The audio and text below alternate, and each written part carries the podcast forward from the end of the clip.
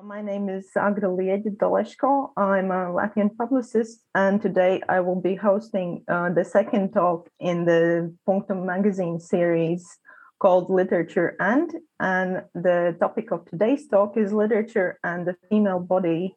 And with me today are two wonderful authors um, the Estonian writer, poet, and translator, Maarja Kangro. Hi, Maarja.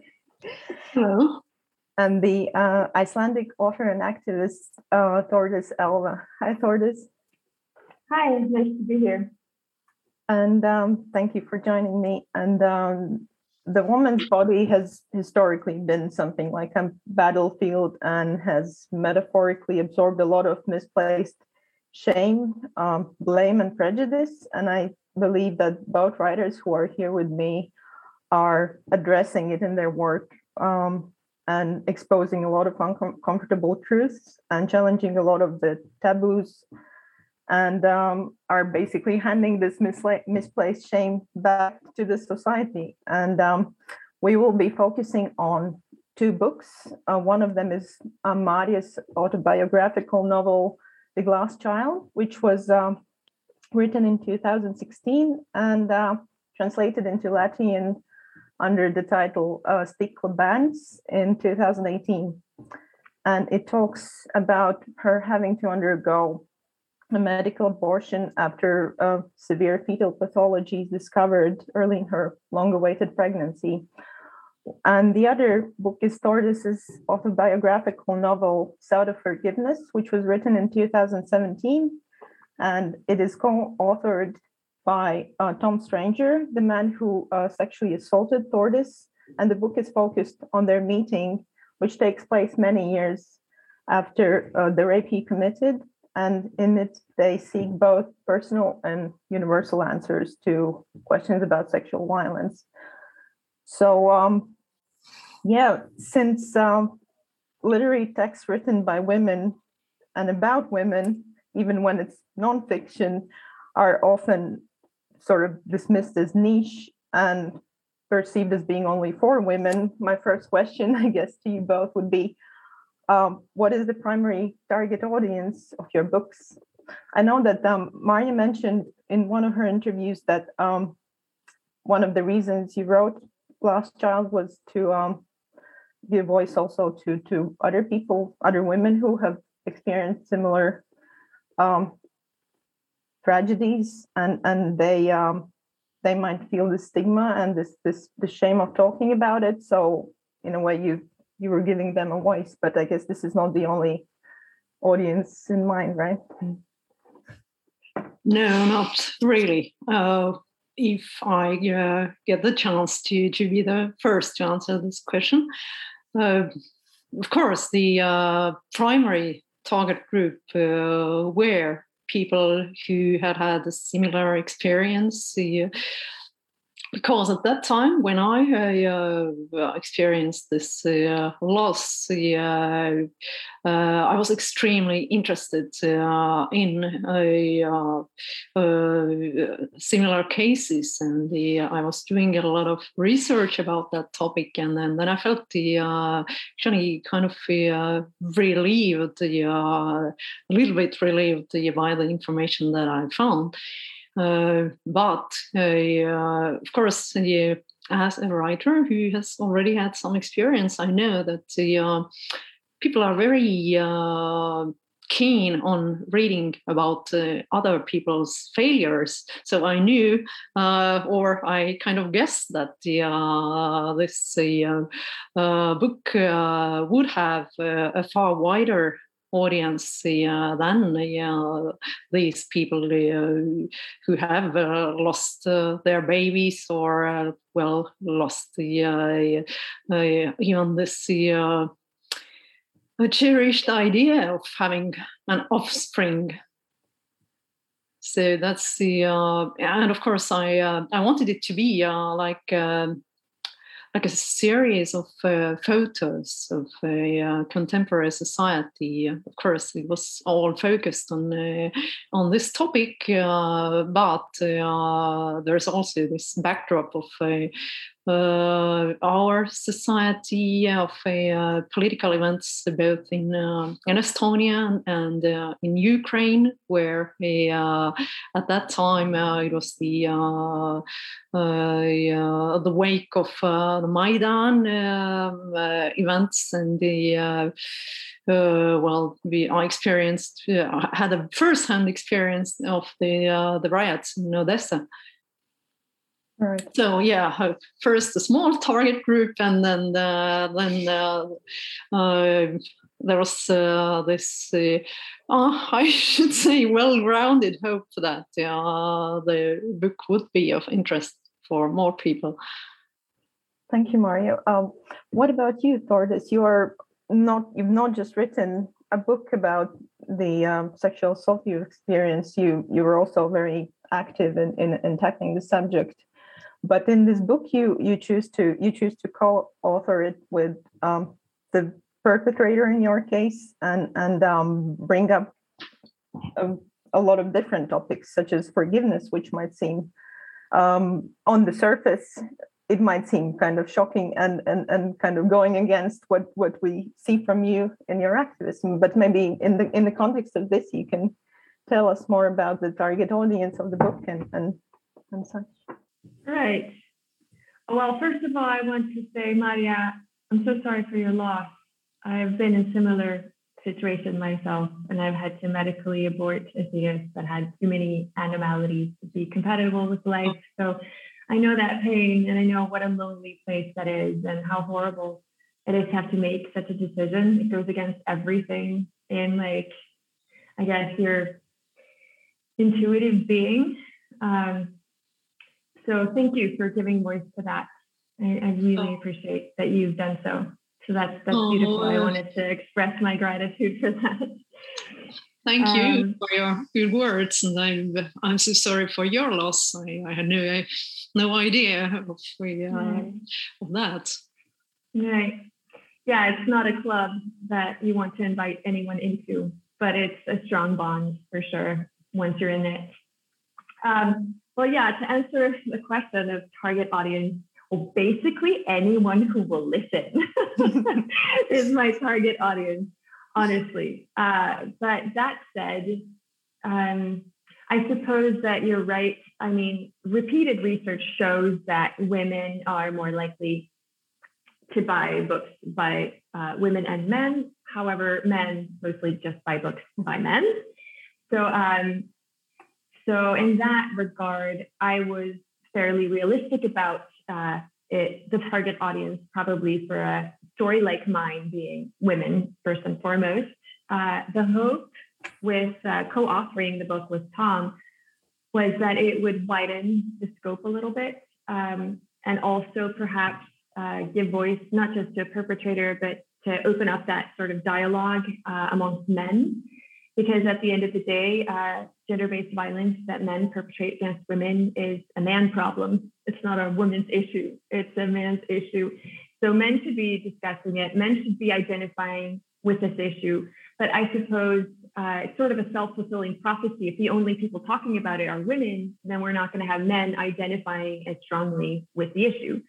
So we were hoping that by Tom uh, being a part of this and giving voice to the experience that he later learned, of course, uh, was devastating and wanting to become a part of the solution as a part, as opposed to a part of the problem.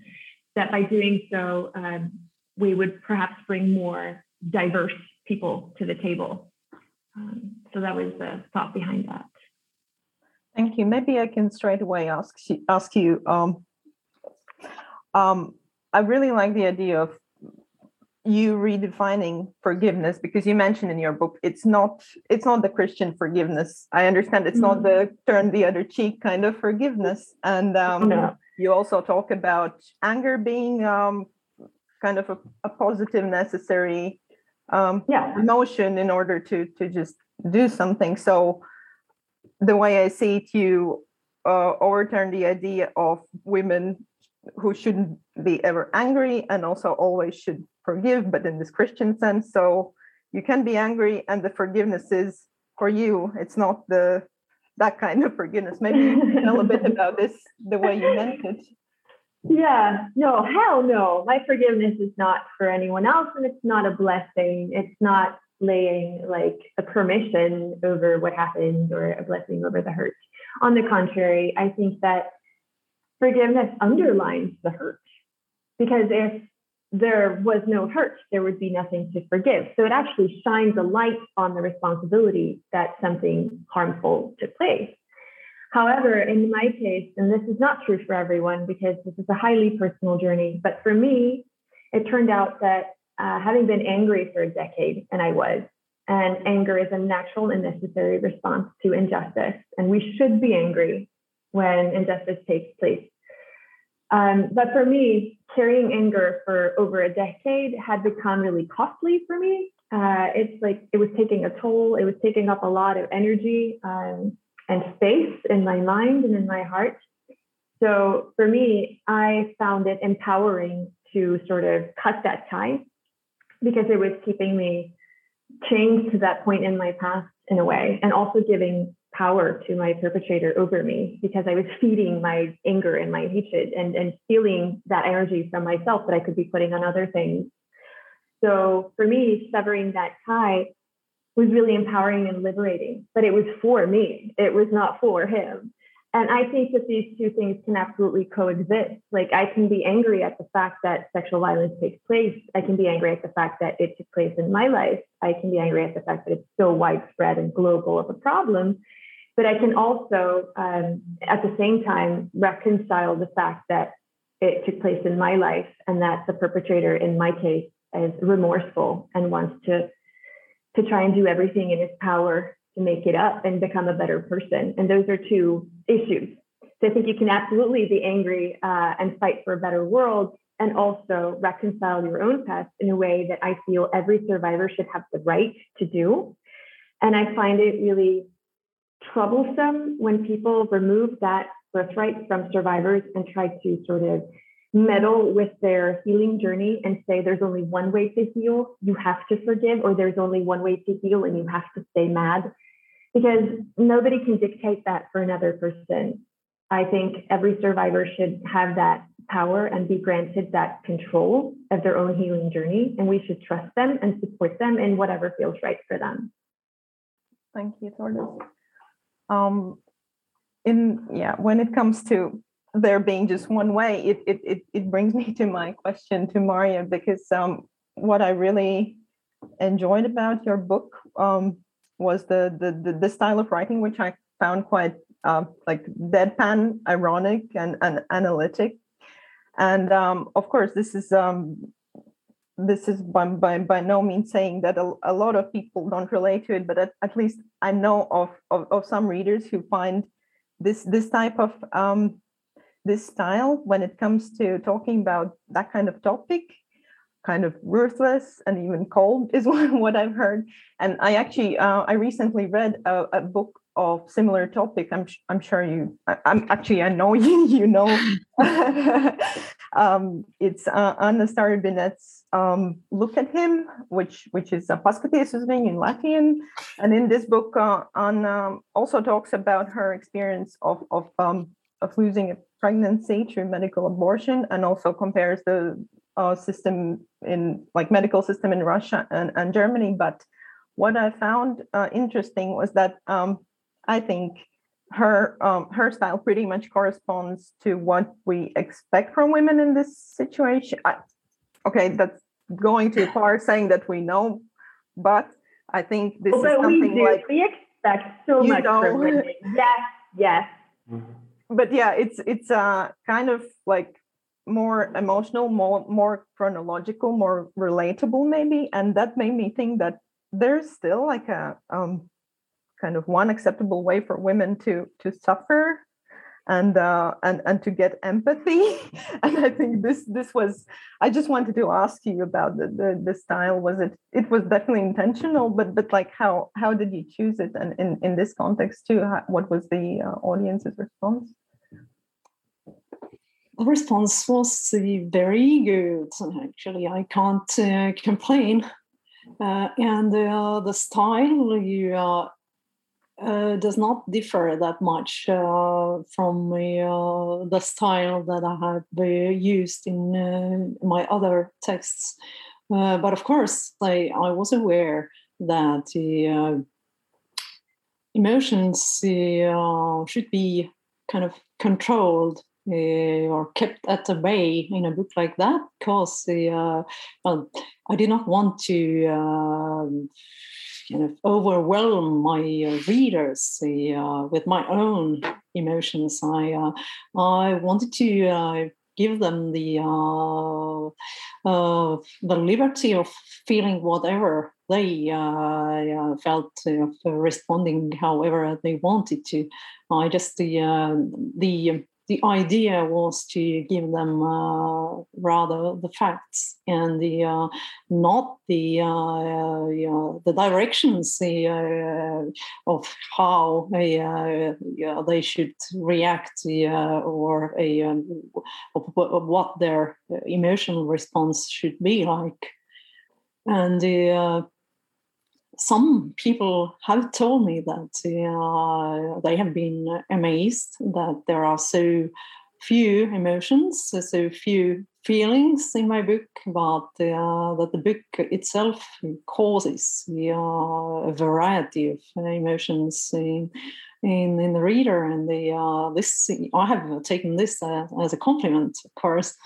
Uh, yeah, well, I have read Anna Starobinets uh, book, and we even had uh, a conversation uh, together at a book fair in uh, Riga two years ago, two and a half years ago.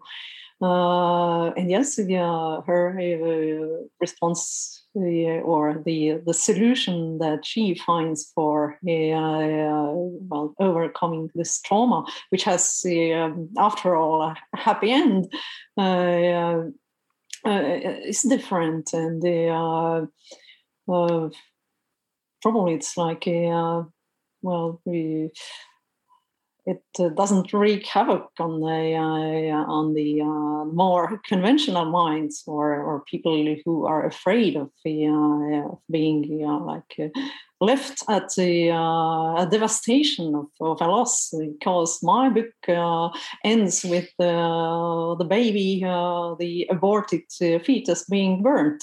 And that's it. That's the, uh, well, I want to be as, well, close to reality as possible. I, I wanted to, yeah, as I already mentioned, to, to give a kind of a photographic account of what was happening.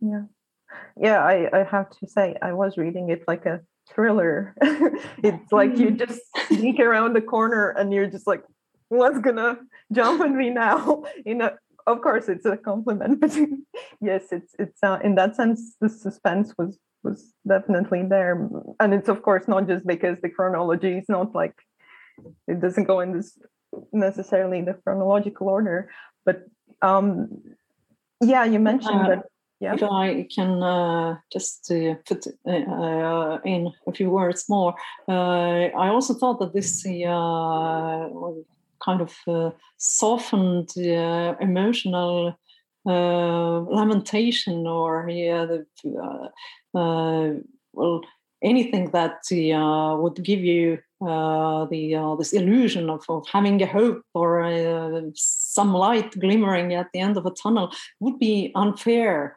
towards these people who have had this kind of experience. Uh, this is not uh, what life is like, and the uh, it's the uh, well, uh, we should not be uh, packaging our emotions to make them like more palatable.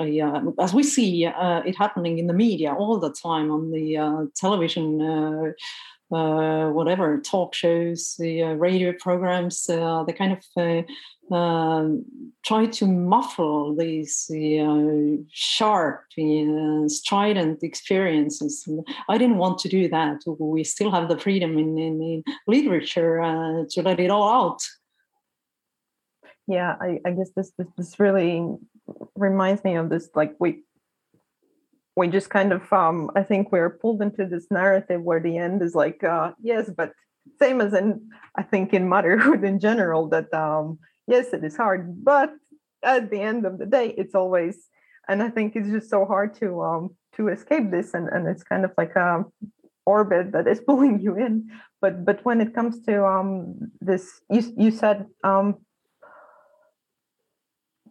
again comparing to the other book, which was not my intention, but um, basically I thought that um, um, the author was um, searching for a community while you were searching for answers. The moment um, you found out about what has happened, you went online and you were uh, looking for information. And and um, for me, this was a striking difference. You are not looking for sympathy or for community, but immediately looking for answers to to um, first of all finding out what is exactly going on what it is and then looking for like a bigger answers that's the, the way I, I saw it.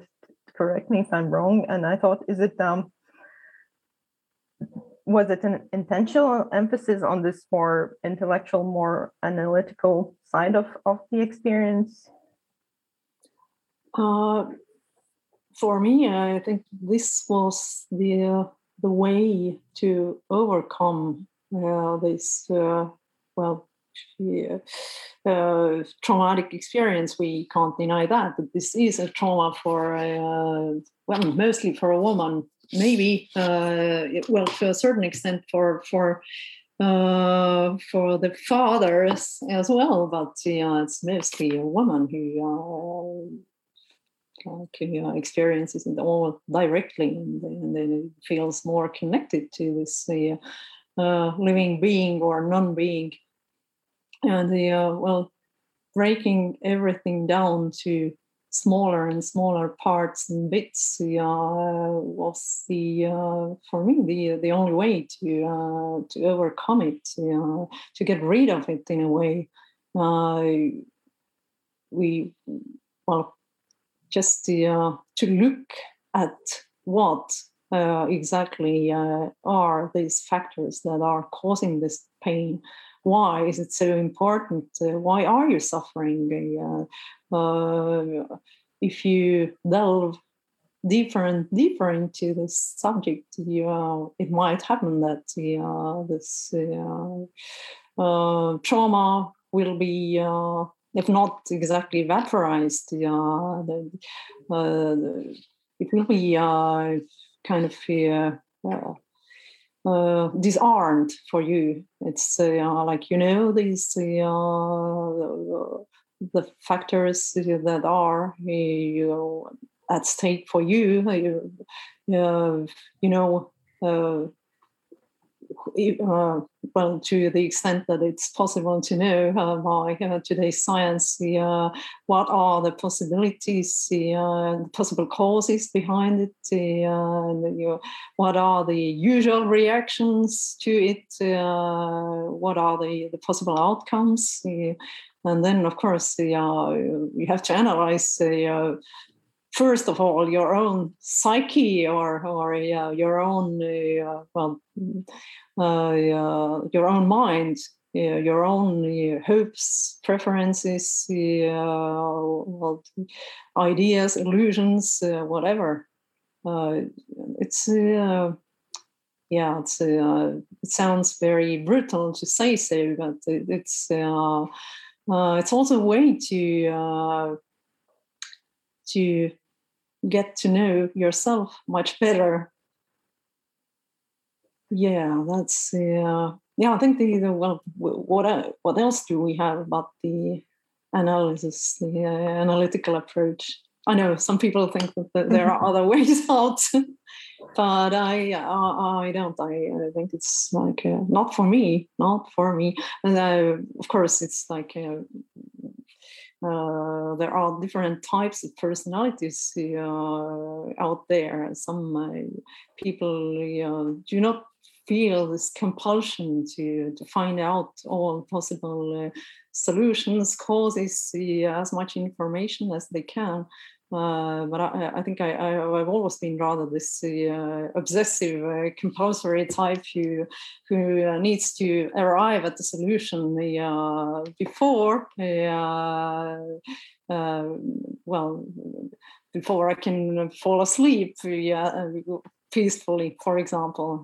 It's like there is no calm in turning away from a problem. Well, I think this is definitely also a overarching theme in Thordis's book. And and one thing which I thought was um can I can I just comment on that just quickly first? Yeah. No, I wanted to say that as women who have experienced something traumatic, and make no mistake, everyone experiences something traumatic in life, but as women who have experienced something traumatic and have decided to write about it and share it with the world, there's a huge pressure to conform to preconceived notions about what that should look like and what that should sound like. And I've I've lost count how many times I was told that I was not traumatized enough.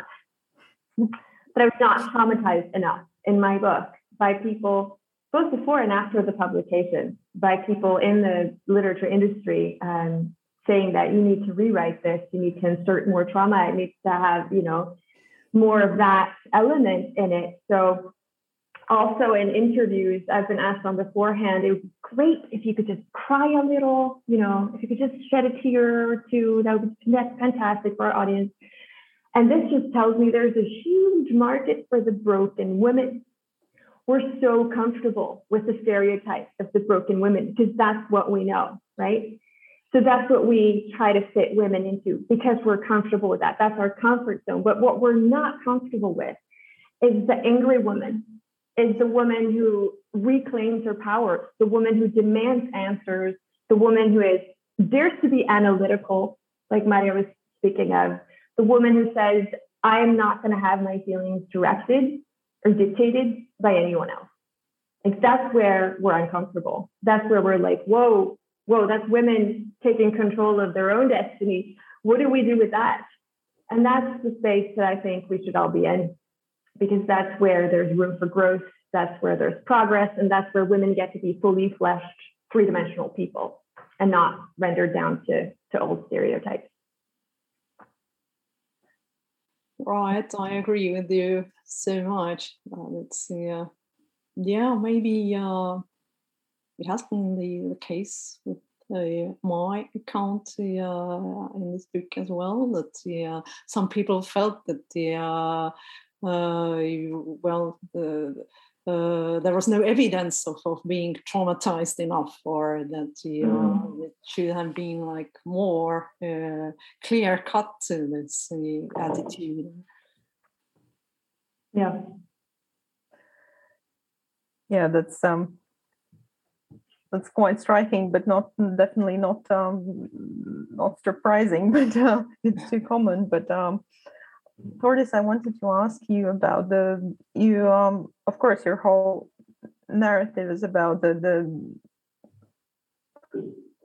the, the sexual assault can happen um it can be done by people we know and even love and being relation and we are in relationships with and, and and this is what happened in your case and um you also talk about how it took you some years to to realize and, and admit to yourself that this is what has happened because of the assumption that the rape only happens in dark alleys by by uh, by the horrifying strangers. And um, and it was not the case in in, in your case and in, in many cases but um, um, can you can you comment on on on um, what are these um, social assumptions that keep this this yeah. this idea going? And absolutely yes. Uh, i refer to it as the monster myth uh, and the monster myth is exactly as you said. It's this preconceived notion that you know sexual assault is primarily caused by knife wielding lunatics that are lurking in bushes or, or parking lots, or um, when in reality, uh,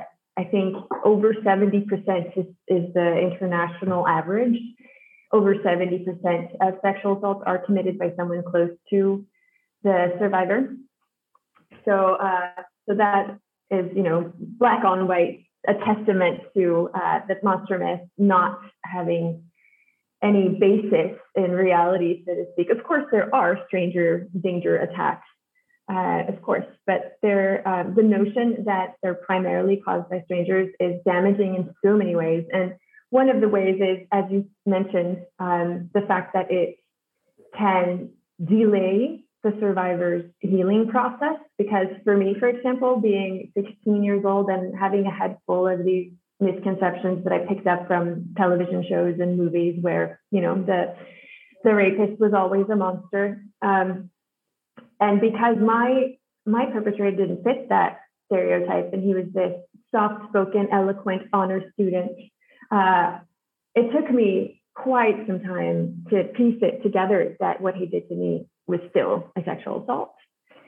And by the time I had come to that conclusion, his exchange program had ended. So he had moved back to his uh, country of origin, which is on the other side of the planet. So for me, when I came to the conclusion that he had committed a crime towards me, um, it didn't feel like I had any options because he was effectively gone uh, out of my life. And this is before the age of social media as well. So, but the reason why the, the monster myth, myth also harms um, society at large is because it also makes it less likely for perpetrators themselves to identify their own actions as being abusive because people don't look in the mirror normally and see a monster.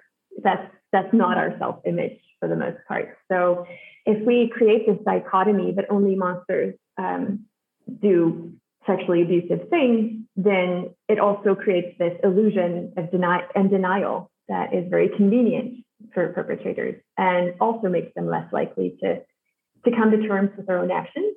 And lastly, as a society, we're less likely to believe survivors when it turns out that their perpetrators don't fit the, the image.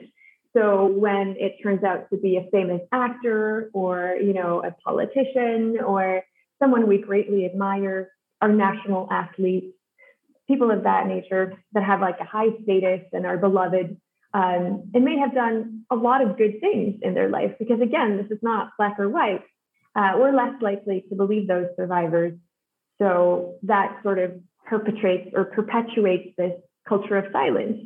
We keep survivors silent by refusing to believe them um, and that also is traced back to the monster myth and lastly uh, we also shame victims by by keeping this myth alive because what does it say about me if I dated the monster? Does that make me a horrible judge of character? What if I married the monster? What if I had kids with the monster? Like, what does that say about me? So I think again, this this notion that it's primarily monsters that that abuse other people, it's just harmful in so many dimensions, in so many levels that um, it's been one of my primary um, targets and, and goals in life to to try and challenge the monster myth as often as possible. And my collaboration with my own perpetrator was very much um, a step on that journey.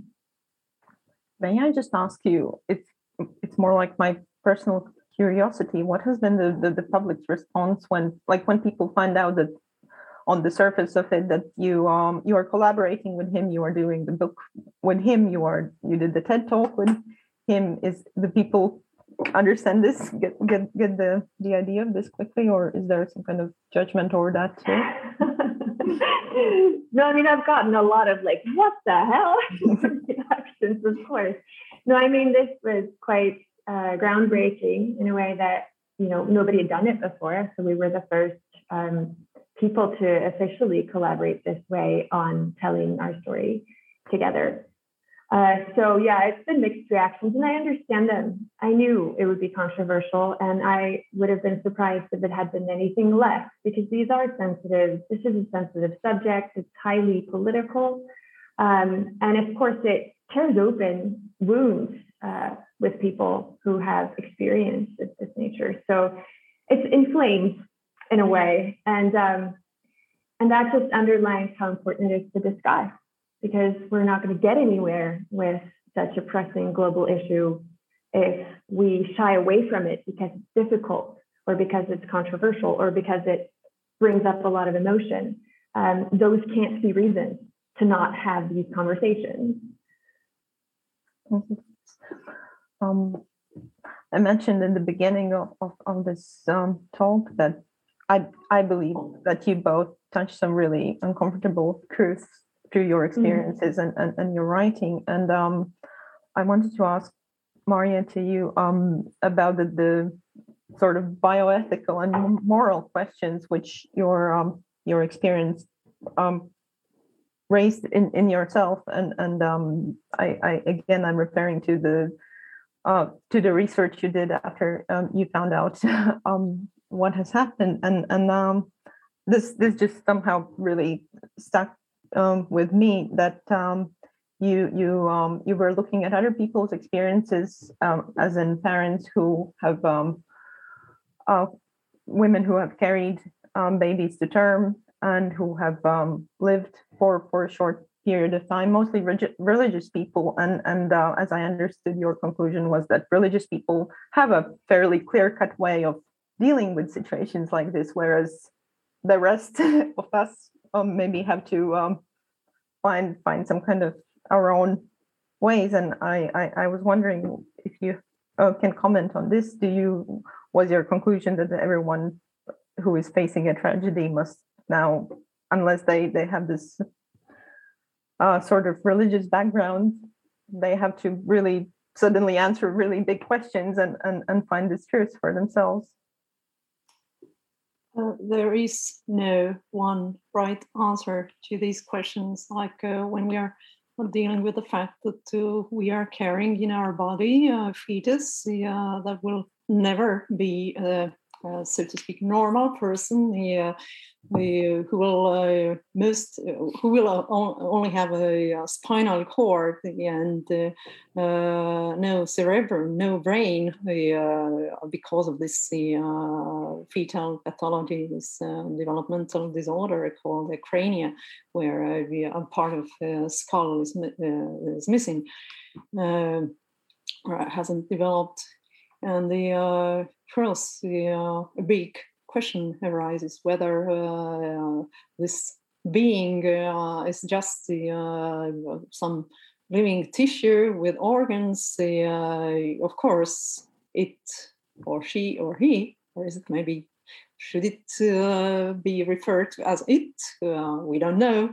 I, uh, they do have a sex, though, uh, but we still have to ask whether it's, it's uh, just into the world uh, what the Nazis defined as uh, das lebensunwertes Leben, a life not uh, worth of living, or uh, whether it's uh, still a living being, uh, whether it's whether life as such is holy, and if it's there, it has to be maintained as long as possible and uh, it is easier uh, easier to uh, deal with these questions if uh, uh, if you have a, a firm ideological framework uh, like religious belief.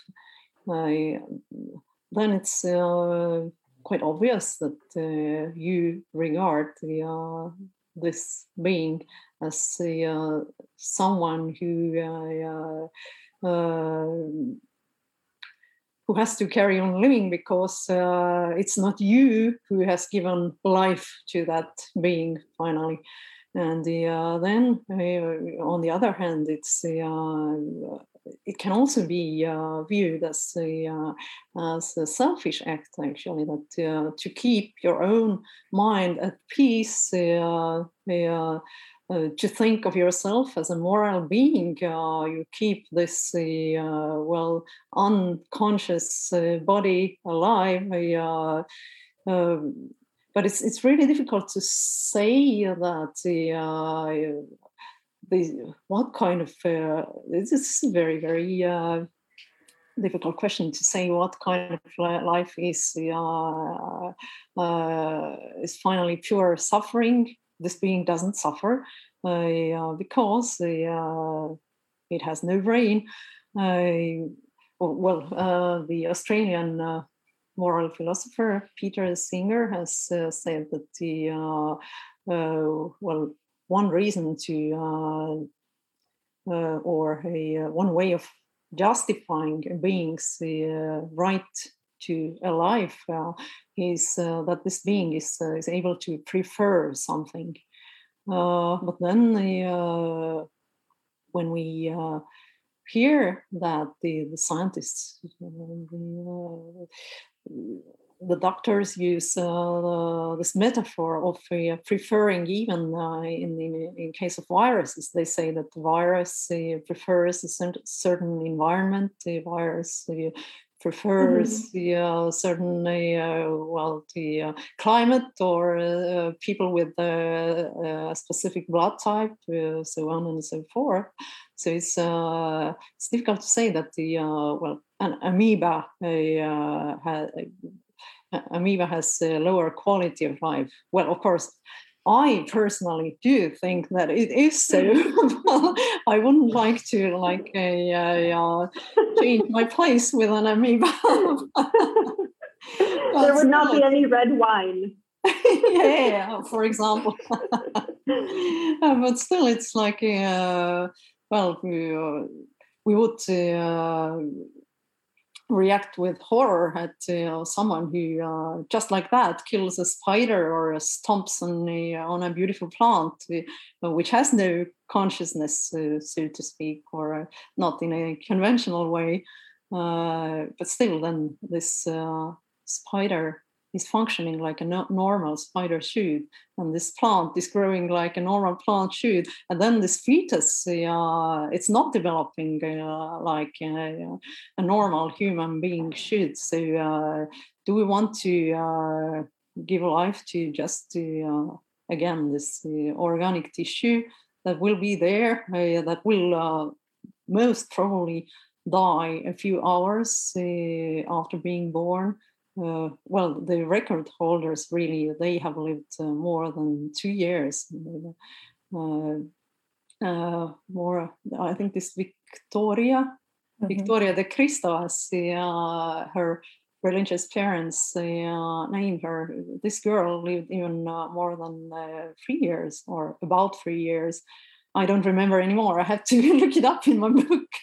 but it was like around uh, two and three years that uh, the uh, babies uh, with uh, crania and anencephalia have survived at most. And still, yeah,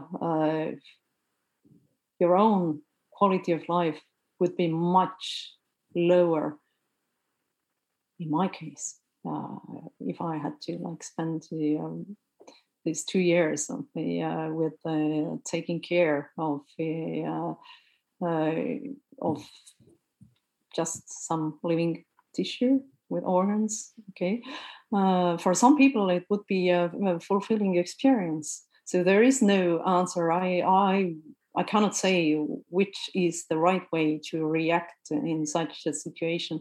It's really uh, according to your own personal, uh, well, framework, a uh, mental, ideological framework, your, your own preferences. Uh, and of course, then there was this uh, option, uh, which of course no doctor recommended. The, this option of, of like giving birth to a baby uh, that would be an organ donor. Uh, really heroic mission that uh, who would uh, who would be heroic enough to take this path in life. Um, well, I wouldn't uh, find the uh, what to say, not the courage, but the well resistance and motivation to do anything like that yeah that's uh, but again it's uh, like uh, i took the uh, the conventional way uh, to terminate this pregnancy uh, which would again would have resulted in in a child that wouldn't have survived anyway. But if if people feel that the, the other options are uh, like the other options put their mind at peace, then why not? I mean, it's uh, there is no one to blame for these uh, moral or bioethical decisions. Bioethics is a very very complicated field and it should be so i think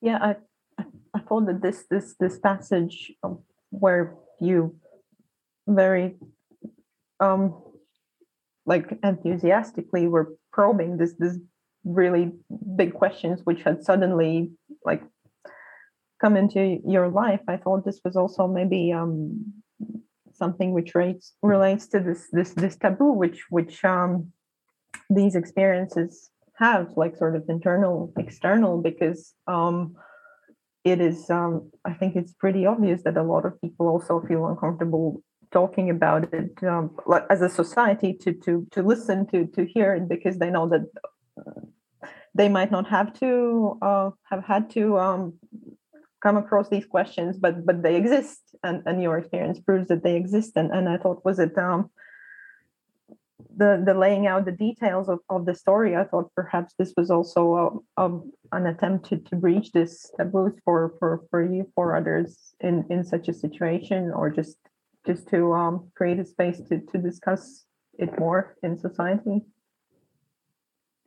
Uh, for me, it was not uh, a matter of being courageous to break these taboos. For me, it was a natural, spontaneous uh, way of uh, giving account of what happened uh, and what has happened to so many people.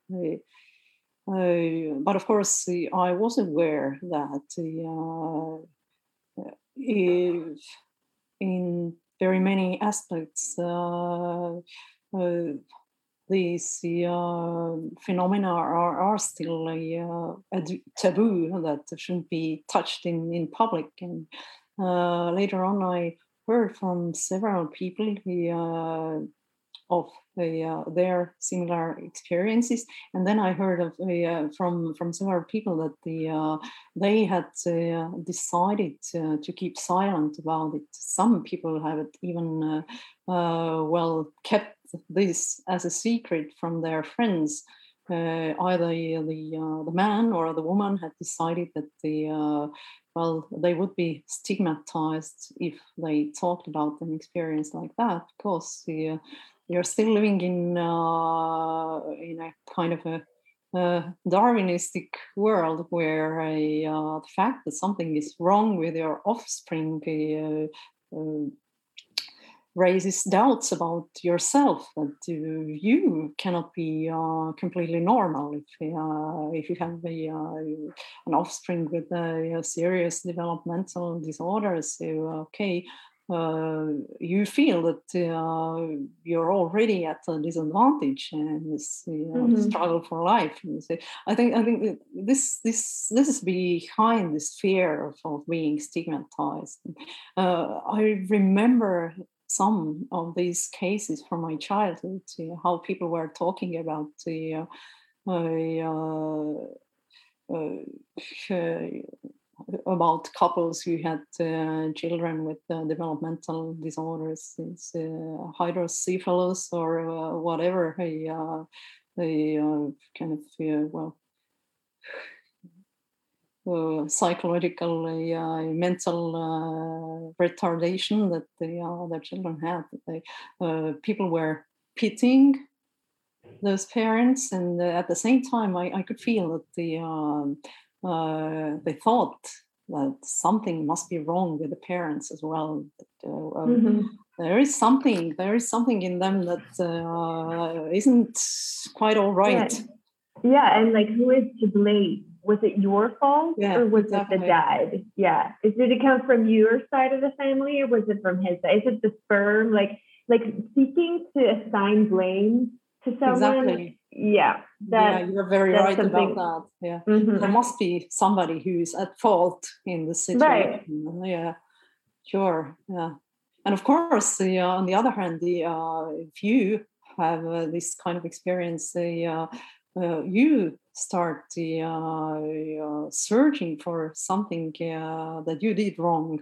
At least this, it was in my case that I started rewinding the past and thinking of oh, several life events and then the uh, mm-hmm. my own uh, well your reactions the behaviors the uh, anything anything that i did uh, might have been the cause of what happened but it's like today's science unfortunately still unable to say what exactly causes the, uh, these developmental disorders so uh, and the uh, uh, those who are like standing out there and hearing about your stories, uh, they are uh, they have no idea at all what could have been wrong. But of course, yeah, it's it's uh, it's way that uh, people might even yeah well they feel sympathy but at the same time it's like uh, okay uh, i am better than those who, who have had this yeah uh, well this event in their lives is something uh, i have an advantage this is actually what i uh, uh, what I experienced as a, as a child in my childhood in the 1980s. People were talking about uh, uh, these couples with a kind of uh, as if uh, there was some uh, some something some horrible secret uh, lingering out there about them. Oh yeah, well that's that's the way it is and the, i even remember that uh, i was thinking at that time that uh, this would be the, uh, the most horrible thing to happen to a person uh, in, in, their life and uh, uh, voila it happened to me and uh, after all i did survive and yeah we, we do survive such experiences I had the impression that the the this this type of stigma for women and has uh, this additional layer of um, having reproduction being seen as the central and essential part of woman, womanhood, which um, you have to just fulfill, and and and and this is just another way to to to fail your divine purpose and and and you're only like a large goal. So that's that's I, I, I was wondering if you were addressing also this uh, this this stereotype uh, with with your with your book. Oh yeah, I'm now yeah talking maybe too much, and then and Tordis uh, doesn't get the chance to squeeze a word in. but uh, yeah, of course, it's uh, it's always there. It's uh, uh, something that so many still take as uh, an obvious uh, an obvious fact in life that uh, women are there to uh, to reproduce to uh, uh, to produce babies. And the, this is the yeah the, the primary task. And the people's attitudes change if you appear in public uh, with a small kids, uh, like uh, wherever I go with uh, my little nephew or my niece, uh, I feel that you know people's kind of uh, their glance is different. their smiles are there, and it's like I feel that the um, uh, they give me a justification. Okay, yeah, there's a woman uh, that has done her duty, uh, uh and certainly uh, it is nice to feel the approval of the others. It's uh, it's absolutely human to uh, to be built like that. Uh, we all are uh, in one way or another searching for the approval of, uh, of the others and the uh, so it's uh, it's absolutely understandable also from that aspect of life that uh, women grieve so much about uh, not being able to have babies because uh, they have internalized this uh, idea of, uh, reproduction being the, uh, the primary function of, uh, of a woman.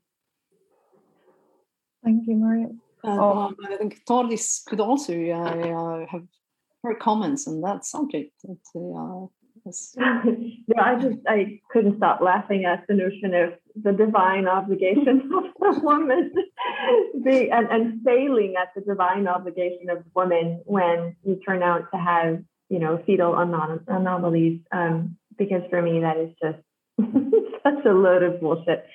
Um, but I agree absolutely, Maarja, that we have uh, an innate need to get approval from our peers and and yes, anything that installs shame in us um, is something that separates us from the herd, so to speak, and makes us feel isolated and makes us self isolate and self censor. So, speaking up is an antidote for that.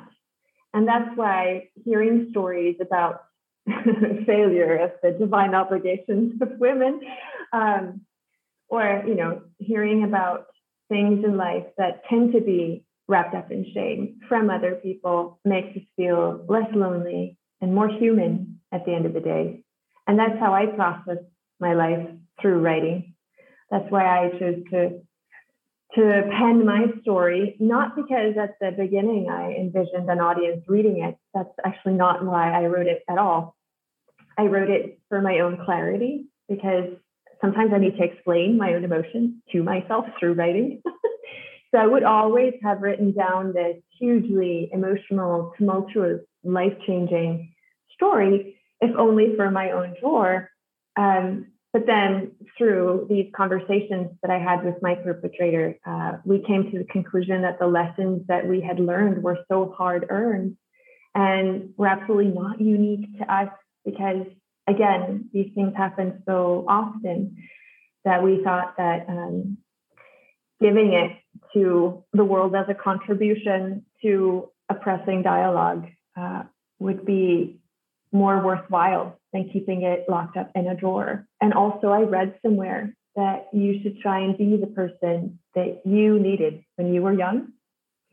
And I would have needed to, to hear this story when I was younger to break my own isolation and shame. And I would have needed to hear Maarja's story as well uh, when I went through what she has been through as well, uh, with having to make that impossible decision to, to end a life that I wanted, uh, that I craved, that I loved. Um, so that's at the end of the day, I guess why we write. It's to create human connections and to understand life better and to decipher our own emotions and what makes us people at the end of the day, I suppose. Tordis, just to i'm sorry you wanted to say something no, I, wanted to uh, say that uh, I, I, feel, uh, I mean, the the, uh, the reason why I wrote this book uh, is quite similar to the reason why Tordis uh, wrote her book. it was primarily for myself. It's the I, that was the, the starting point that I had to get it out of myself. It's to I had to uh, also like uh, become clearer about myself uh, through writing. Uh, well, in a way, it's uh, it's if not always, quite often the case uh, with writing that, or it should be. I, I, should say it should be the case with writing that the the first person who needs it is the author herself or himself if not, it's already like uh, yeah, well, commission work, which uh, mm-hmm. could be nice. But even if you are uh, uh, if somebody commissions something from you, you will ha- uh, have to find the way why this work uh, matters to you, why why why this idea is primarily important for you.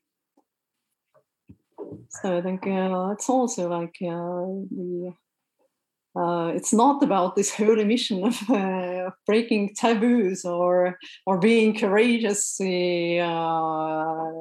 uh, uh when speaking up about the uh, these horrifying subjects. It's it's about the well the writing first of all for ourselves. If if there is at least this first person who is interested in that book, it's it's more probable that others would be interested in that too.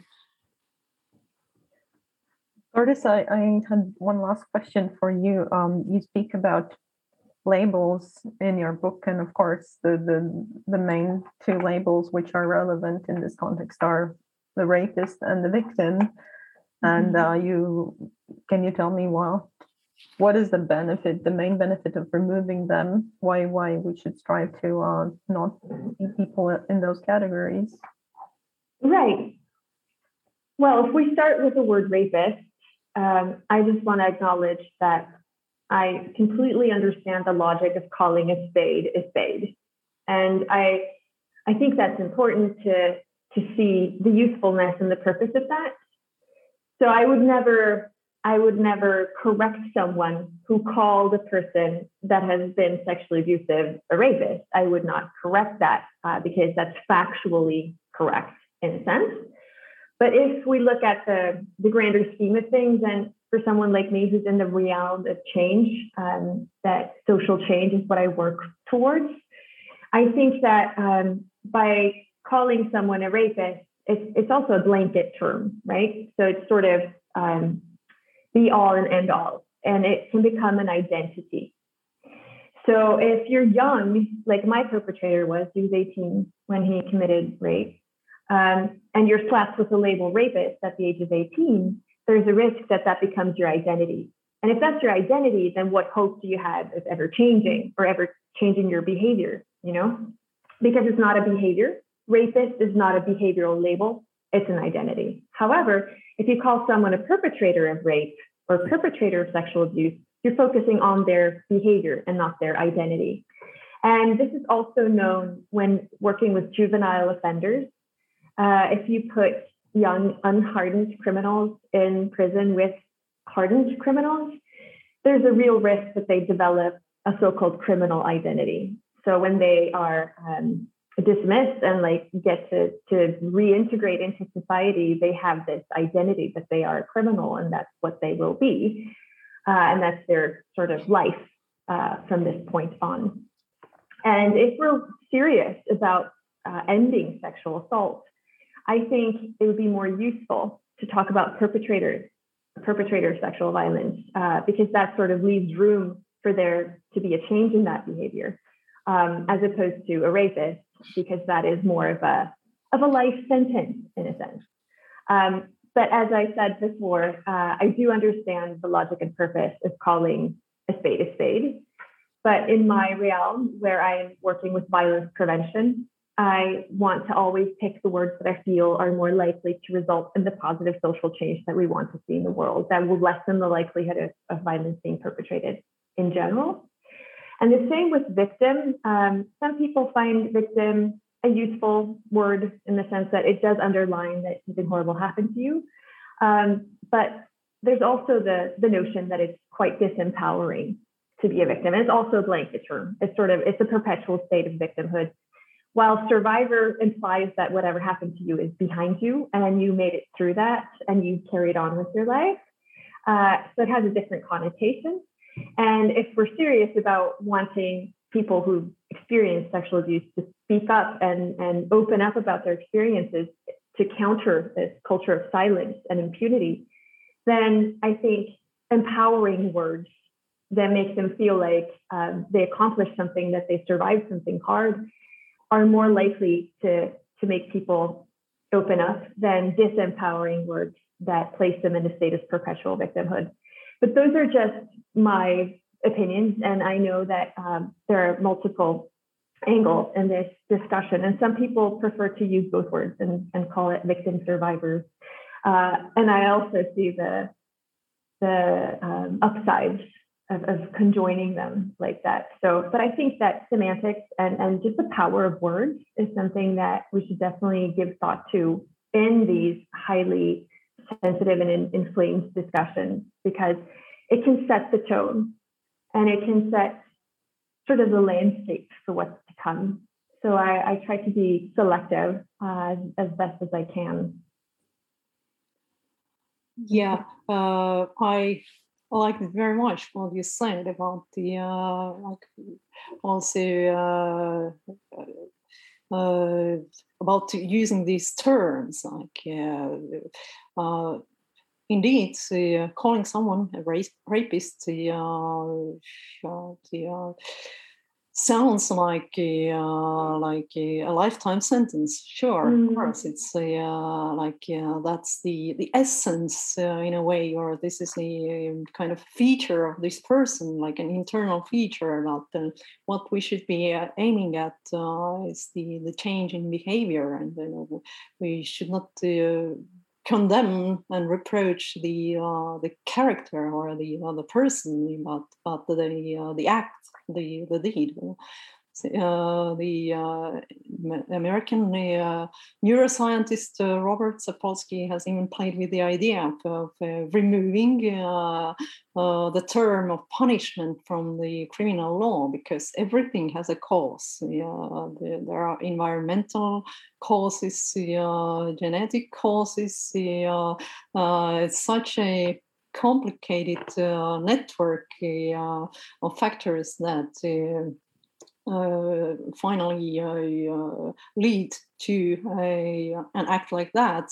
And uh, it's not like it shouldn't be condemned, this kind of behavior, but we should be really aiming at the changing these people, changing the environments. Uh, it's not like uh, the aim of uh, of how we of our reaction of our response is uh, only to kind of uh, well relieve uh, our own emotions load off our own emotions which is uh, often behind uh, this spontaneous uh, wish to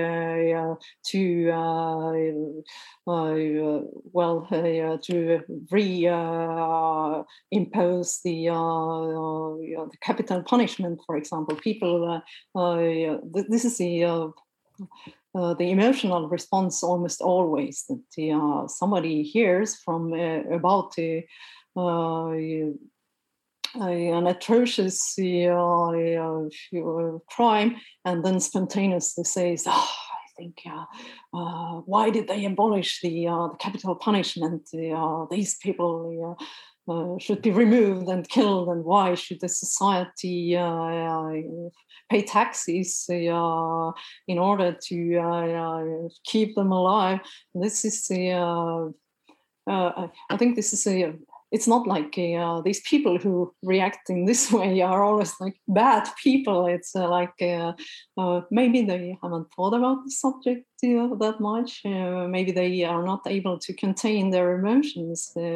Uh, but uh, yeah, I think uh, we should always be focused on on the the the result uh, that uh, that we want to be there in the future, and, and it's not like uh, just condemning and and saying that this is bad seed and should be eradicated. I Thank you. Um, I guess, um, yeah, we should we should we should uh, probably finish now. And I wanted to say like thank you to both of you for participating, and um, yeah, for our, for our viewers, uh, next Wednesday uh, we will have um, a discussion literature and conceptualism with Artis Ostups, Christian Zeis, and Carl Sverdinch. So, thank you. Thank you Thank for you inviting me. And uh, it was uh, really nice to meet uh, the both of you and uh, an inspiring conversation. I agree. And it was an honor and a pleasure. So thank you so much. Thank you. Thank you. Bye.